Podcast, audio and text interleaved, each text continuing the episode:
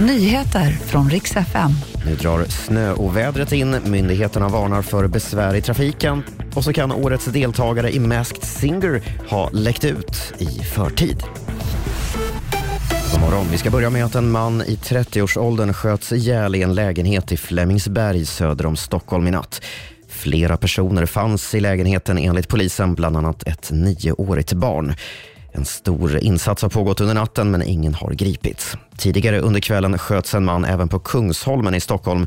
Han fördes med ambulans till sjukhus och polisen ser ingen direkt koppling mellan händelserna. Det ser ut att bli rejält besvärligt på vägarna idag när snöovädret slår till mot stora delar av mellersta och södra Sverige. Brandkårerna i norra Stockholm har gått ut på Facebook och bett den som kan jobba hemifrån att göra det. Och I Sörmland har polisen gått ut med en punktlista med vad bilister ska tänka på. Det viktigaste är som alltid att hålla avståndet. Till sist, det närmar sig årets säsong av Masked Singer och det kan vara så att förra årets fiasko upprepar sig.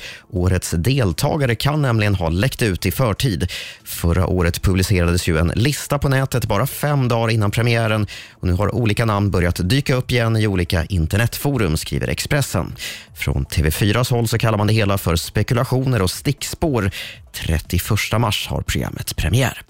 Och det var de senaste nyheterna. Jag heter Robin Kalmegård.